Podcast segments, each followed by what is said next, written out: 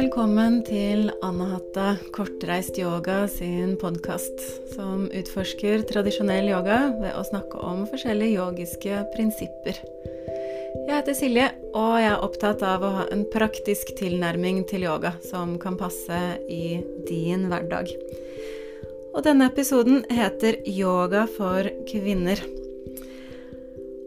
Og trenger vi egentlig en egen yoga for kvinner? Jeg vil si både ja og nei, men, men um, Nei, fra mitt ståsted, fra mitt synspunkt, så er det den samme yogaen. Men det er et lite skifte i perspektiv, med fokus på kvinnehelse, og med fokus på det å velge passende praksis i forhold til en kvinnes forskjellige livsfaser og de forskjellige fasene av menstruasjonssyklus. For det er en vesensforskjell der mellom menn og kvinner. Ikke sant? Menn får ikke mensen. De går ikke gravide. De ammer ikke. De går ikke gjennom overgangsalderen. Og det er også eh, en fase etter overgangsalderen som er annerledes for kvinner enn for menn.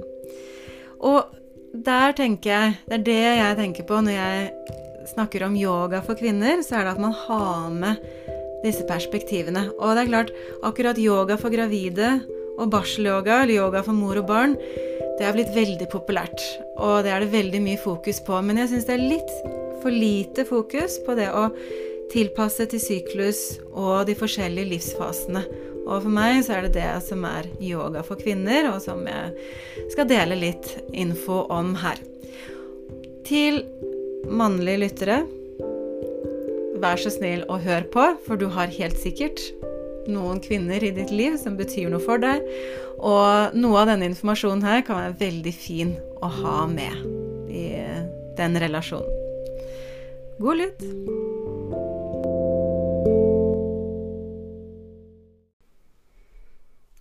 Så la oss starte med å se på menneskeheten fra et fugleperspektiv. Så fra vår spede begynnelse gjennom steinalder, bronsealder, vikingtid, middelalder og til her vi sitter nå, så er det altså gått ca. 150 eller 200 000 år. Så så lenge er det siden vi startet vår eh, tid her på jorda. Og det er bare 50 år siden maten vår forandret seg ganske mye. For 30 år siden kom mobiltelefonen, og for ca. ti år siden så startet sosiale medier opp på ordentlig. Så gjennom mat, mobil og internett, som har kommet bare de siste 50 årene, sett på tidslinjen ca. 200 000 år tilbake i tid, så er disse siste årene ingenting. Så fysiologisk og biologisk så er vi mennesker Akkurat sånn som vi var for 100 000 år siden.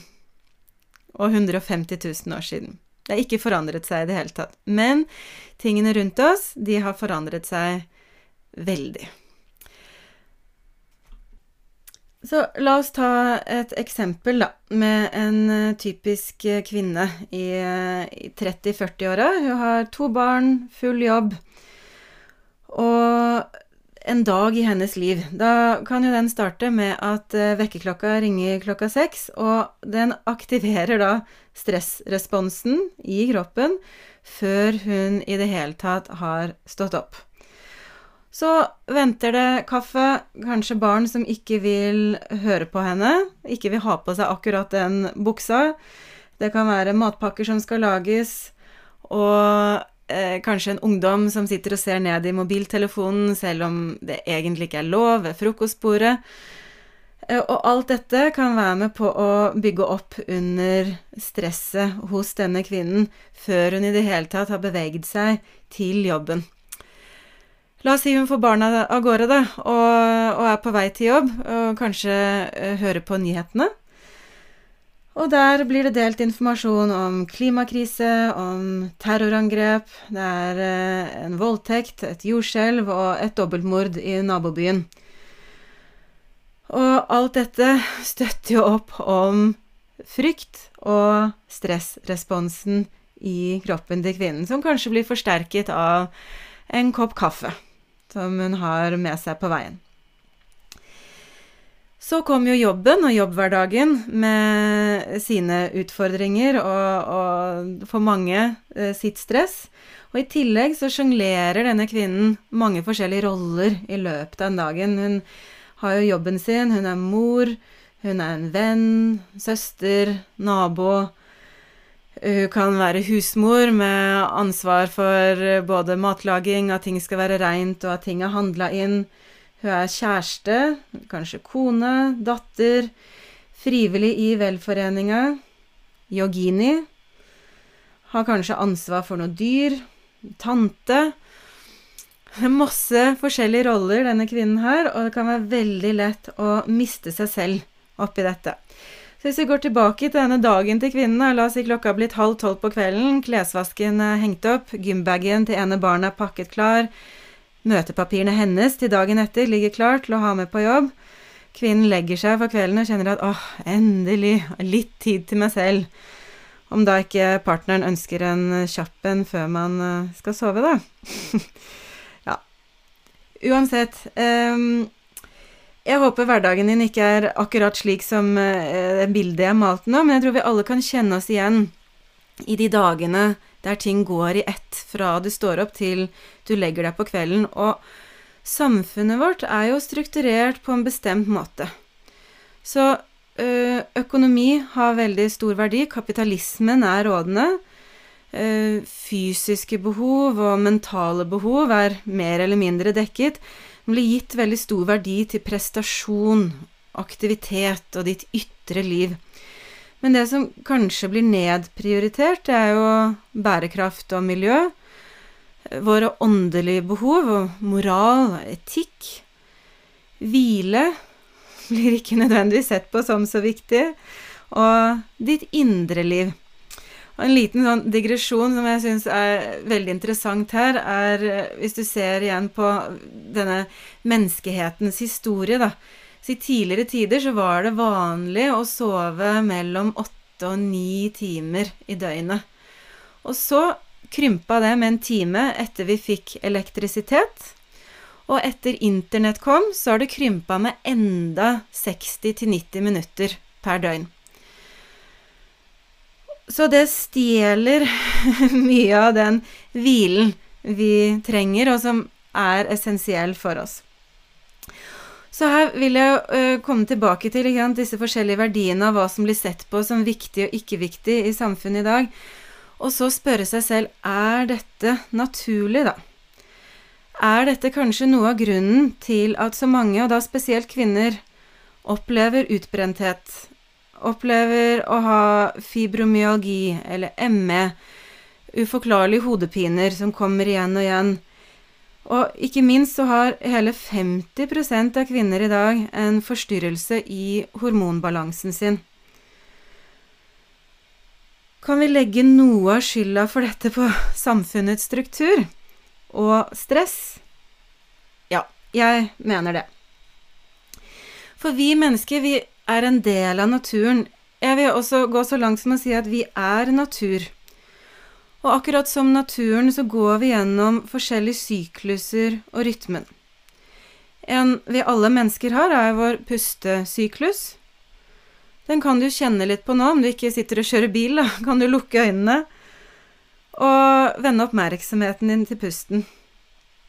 Så kan du oppleve at det helt av seg selv kommer en innpust, det er en overgang, så er det en utpust, en ny overgang, og dette gjentar seg igjen og igjen. Innpust, en overgang, utpust og en overgang. Pustesyklusen vår, eller pusterytmen vår. Og jeg tenker det ikke er tilfeldig at den går igjen i så mange forskjellige tradisjoner.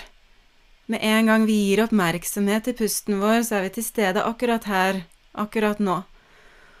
Og ved å erkjenne den sykliske naturen til pusten, kan vi også erkjenne at ja, jeg er også en del av naturen. Jeg er natur.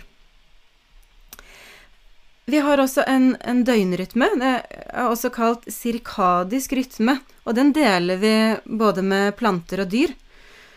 Den kan ses på som en biologisk klokke som er tilpasset jordrotasjonen, og den er med på å styre alt fra søvnrytme, hormoner, spiserytme, kroppstemperatur og metabolisme.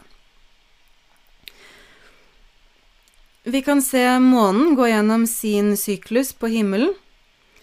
Den tar 29,5 døgn fra fullmåne til fullmåne eller nymåne til nymåne, for så å gjenta seg igjen. Og kvinnens menstruasjonssyklus er tilsvarende. Er det tilfeldig, da? Tenk bare på hvordan eh, månen påvirker havet, med høyvann og lavvann. Vi mennesker er laget av 70 vann. Så det er klart at månen har en innvirkning på oss. Både på menn og på kvinner, men det blir så ekstra tydelig hos kvinner pga. Eh, dette samsvaret med menstruasjonssyklusen. Og derfor er månen ofte sett på som et symbol på det feminine. Og her vil jeg anbefale deg, om du ikke allerede er i gang, å loggføre syklusen din. Og dette kan gjøres enten du menstruerer eller ikke. Så om du menstruerer, så begynner du den første dagen den, av syklus, er den første dagen du blør. Det er altså dag én av din syklus. Og om du ikke menstruerer, så lar du dag én være ved nymåne, altså når månen er helt svart. Og så for hver dag lager du bare sånn kort, lite notat. Du har med dato, energinivå, et ord eller to som beskriver tilstanden din, og eventuelt andre ting det er viktig for deg å loggføre. Det kan jo være drømmer, um, symptomer som kommer igjen syklisk, eller trening, helt andre ting. Jeg føler at vi, vi mangler et litt sånn dagligdags språk for å snakke om vår sykliske natur. Uh, og her liker jeg godt de som bruker indre sesonger for å beskrive de forskjellige fasene eh, en kvinne går gjennom i sin syklus. Så jeg tenkte å gå gjennom de her. Da uh, starter vi med indre vinter. Den starter én eller to dager før du blør, eller før nymåne, og varer til ca. dag fem av syklusen. Så her er kvinnen mer innadvendt, energien er på sitt laveste, og man har ofte et økt behov for hvile og egentid. Eh, I en av bøkene jeg leste om dette, som jeg forresten anbefaler på det varmeste, den heter Wild Power. Der snakker de om den indre vinteren, og særlig da begynnelsen av den, som eh, tempeltid. Der man har veldig sterke indre lys og svake ytre lys. Så oppmerksomheten går naturlig mer inn. Og det er også en økt mulighet for kvinnen å få kontakt med intuisjonen sin her. Så akkurat litt som eh, vinteren, så går du litt i dvale, og ting bør få lov å, å gå litt saktere, litt roligere. Neste um, sesong er den indre våren, som er fra ca. dag 6 til 13 av syklus. Og her blir oppmerksomheten mer utadvendt, og energinivået økner. Så kvinnen våkner til liv og blir mer motivert og inspirert. Så er det en litt sånn flytende overgang der til en indre sommer, som er ca. dag 14 til 18 av syklus. Det er her kvinnen har eggløsning, eller det er fullmåne. Avhengig av om du loggfører etter eh, menstruasjon eller månen. Og, og, her er en kvinne i sin fulle blomst. Det er her energinivået er på topp. Og selvtilliten er på topp. Det er sånn ja til livet. Og her er disse indre lysene svake, men du har sterke ytre lys, så du er mer utadvendt, mer sosial. Og neste er indre høst, som er ca. dag 19 til 27 av syklus. Her opplever kvinnene dalende energinivå. Det er lett å bli mer kritisk både mot seg selv og mot andre selvtilliten kan få seg en skikkelig smell, altså den klassiske PMS-tiden.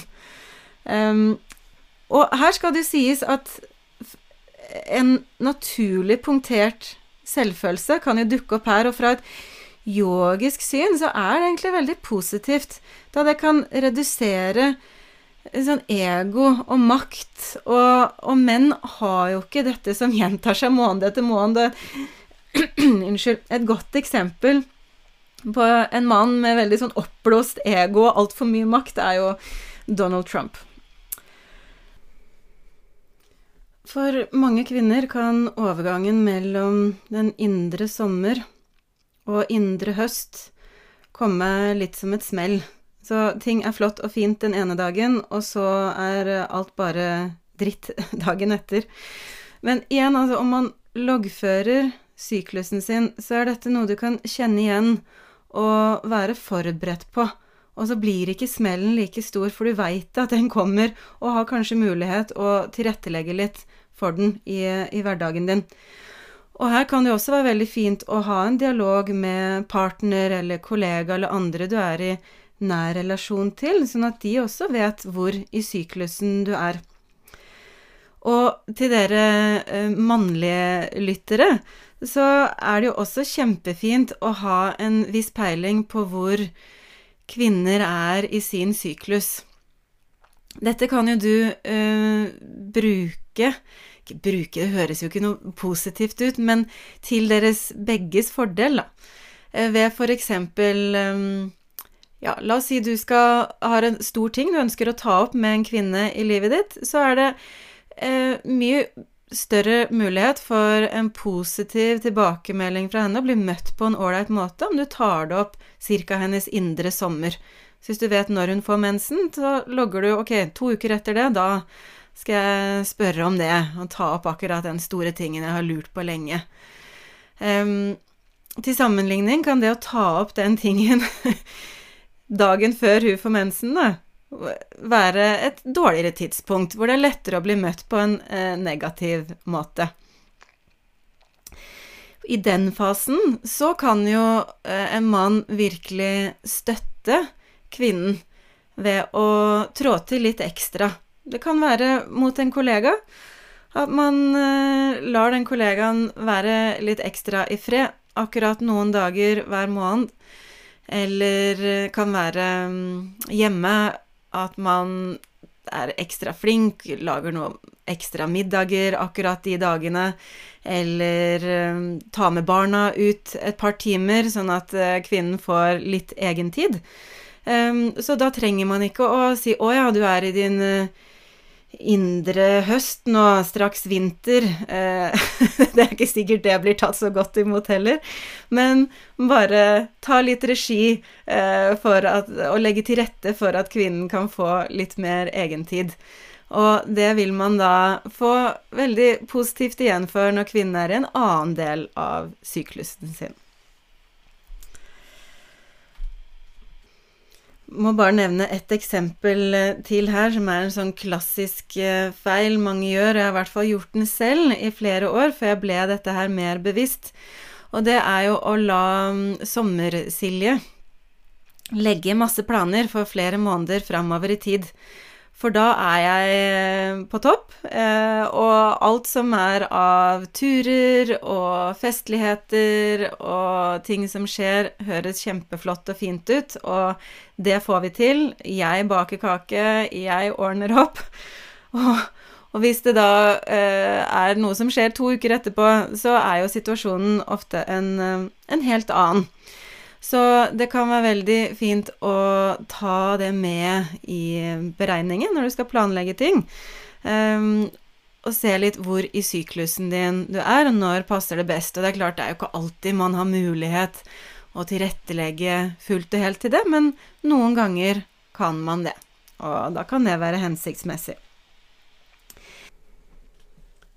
Og det er ikke bare i, yoga at vi anbefaler å loggføre egen syklus. Eh, skiskytterjentene Tiril og Ingrid snakker om mensen i podkasten sin eh, Kant ut, i hvert fall en av episodene, hvor de også anbefaler å loggføre din egen syklus, og de tilpasser treningen sin etter det, eller i hvert fall én av dem gjør det. Eh, en annen podkast som heter Femihelse, anbefaler de også å loggføre egen syklus. Og etter du har gjort det en stund, vil du finne mønstre som er helt unike for deg. Så disse dagene jeg sa eh, hvor lang hver indre sesong er, det vil jo variere fra person til person. Eh, men veldig ofte vil man kunne finne et mønster. Og så kan man ta med seg den lærdommen inn i hverdagen og få god nytte av den. Gjennom bevissthet om egen syklus kan vi kroppsliggjøre en indre visdom om den sykliske naturen vi er en del av. Så vi kvinner kan altså erkjenne gjennom kroppen vår det at vi er en del av naturen, at vi er natur.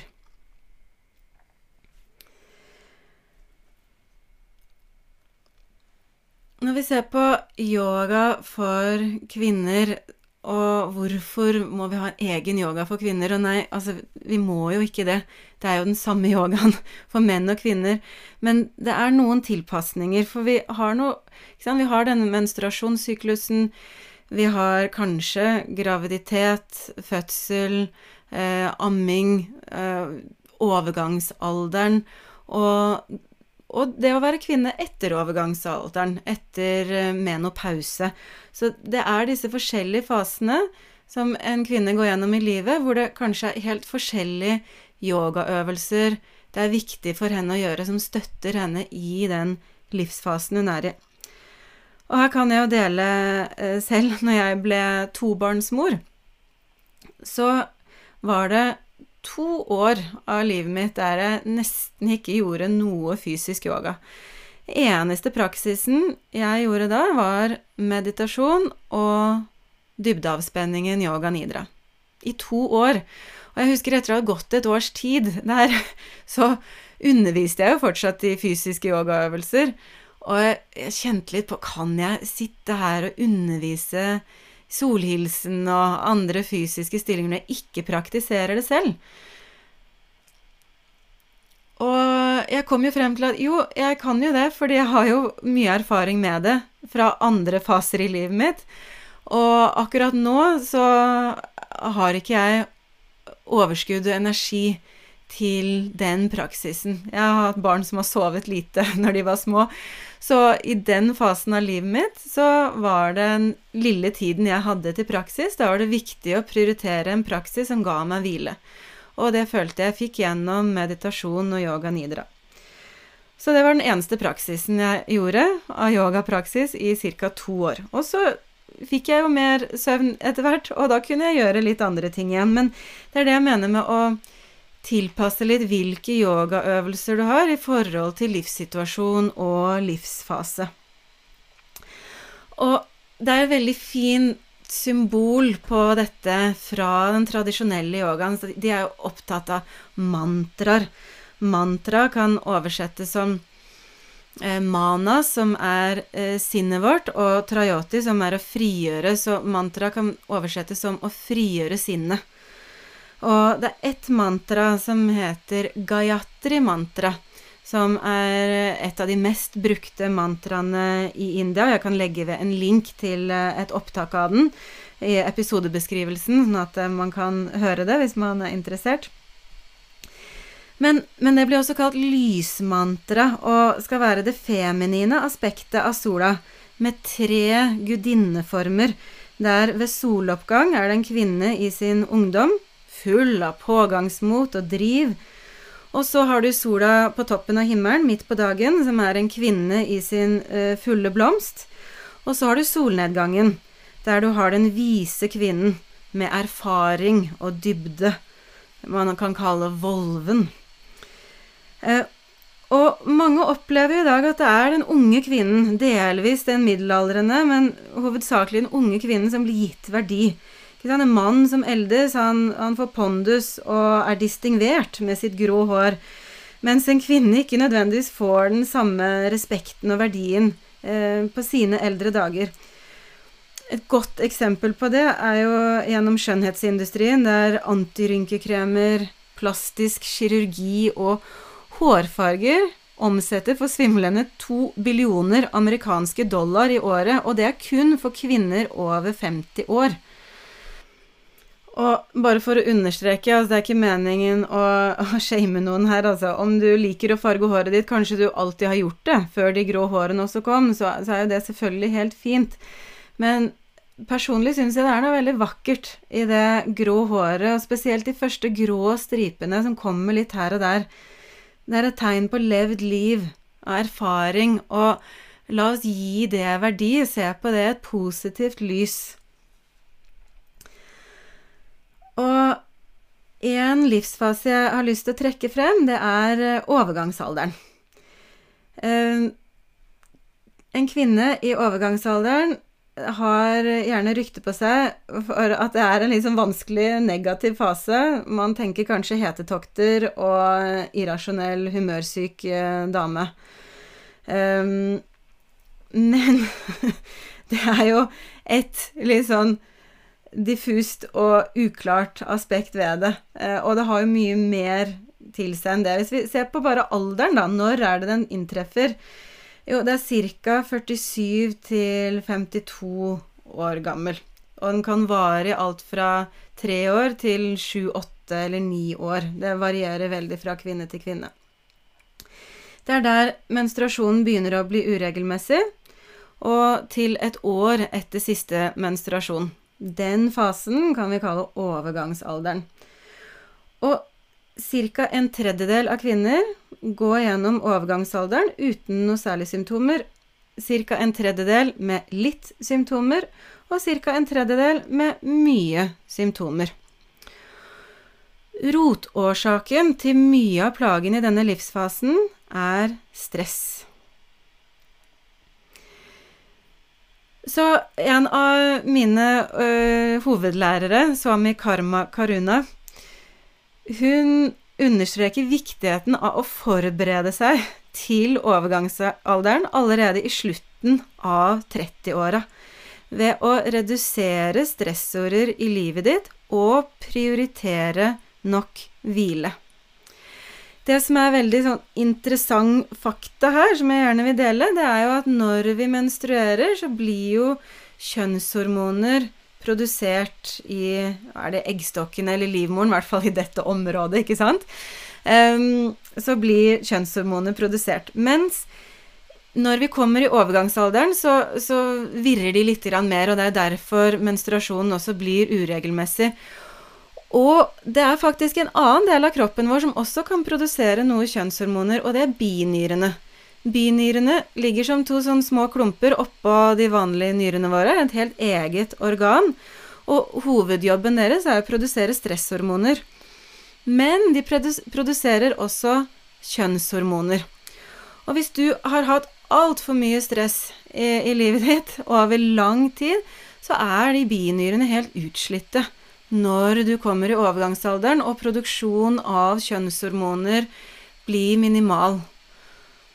Motsatt, hvis du har hatt mindre stress i livet ditt, har tatt vare på, gitt restitusjon og hvile til binyrene, så kan de produsere ikke like mye som livmoren og eggstokkene, altså, men fortsatt nok kjønnshormoner til at ting er litt mer balansert i kroppen. Så veldig sånn fine yogiske remedier her i denne fasen, og også før, for å forberede seg til den. Det er yoga nidra, en dybdeavspenning, og dype pust. Og samtidig legge vekt på noen hvilende yogastilling, f.eks. hvilende fisk, eh, haren, også kjent som barnet, eller det å ligge med bena opp mot en vegg veldig fine måter å få inn en yogapause på i hverdagen. Og jeg tror det er viktig å spille på lag med våre forskjellige biologiske rytmer og gjøre det som er naturlig for oss. Selv om dette kanskje trosser forventningene både mennesker og samfunn har til oss, og kanskje også som vi har til oss selv. Bare tenk deg ut i naturen på årstidene. Altså, det er ingen som ber bjørka om å spire og rasle med bladene sine midt på vinteren. Og tenk også så vakkert det er på høsten, med alle fargene på bladene, selv om det faktisk betyr at eh, de dør, ikke sant? Kan vi ta med oss lærdommen fra de ytre sesongene inn til våre indre sesonger, og dermed kunne finne en balanse mellom aktivitet og hvile? En balanse mellom det å skape noe og så la noe visne og dø. Og en balanse mellom indre og ytre liv. I en oversettelse av hva yoga er, er jeg akkurat dette balanse.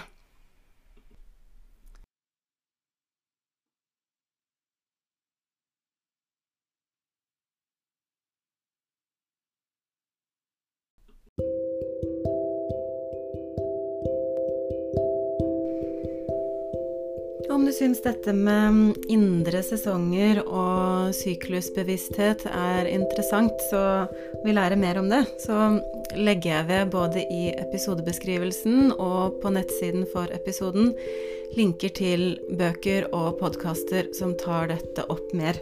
Og også til dere mannlige lyttere. Det er en veldig fin podkast som heter The Great Man Within og da har de en episode som heter A Man's Guide to the Menstrual Cycle.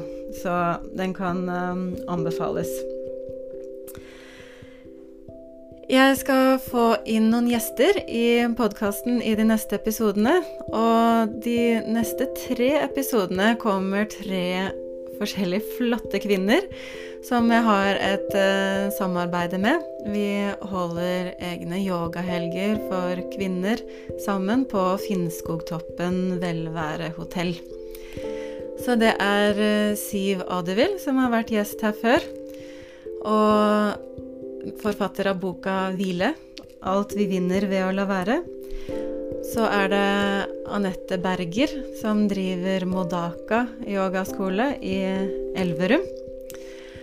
Og første gjesten er Maja Våg, og hun underviser i feminin yoga på Anahata yoga i Eidsvoll. Og hun har praktisert eh, bevissthet om egen syklus veldig aktivt de siste tre årene. Så hun er første gjest, eh, og det blir altså neste episode. En samtale med Maja, hvor vi går litt videre med dette temaet. Den gleder jeg meg til. Og det ligger forresten en eh, liten freebie på nettsiden for denne episoden. Um, ehm, anahatayoga.no skråstrek yoga bindestrek for bindestrek kvinner.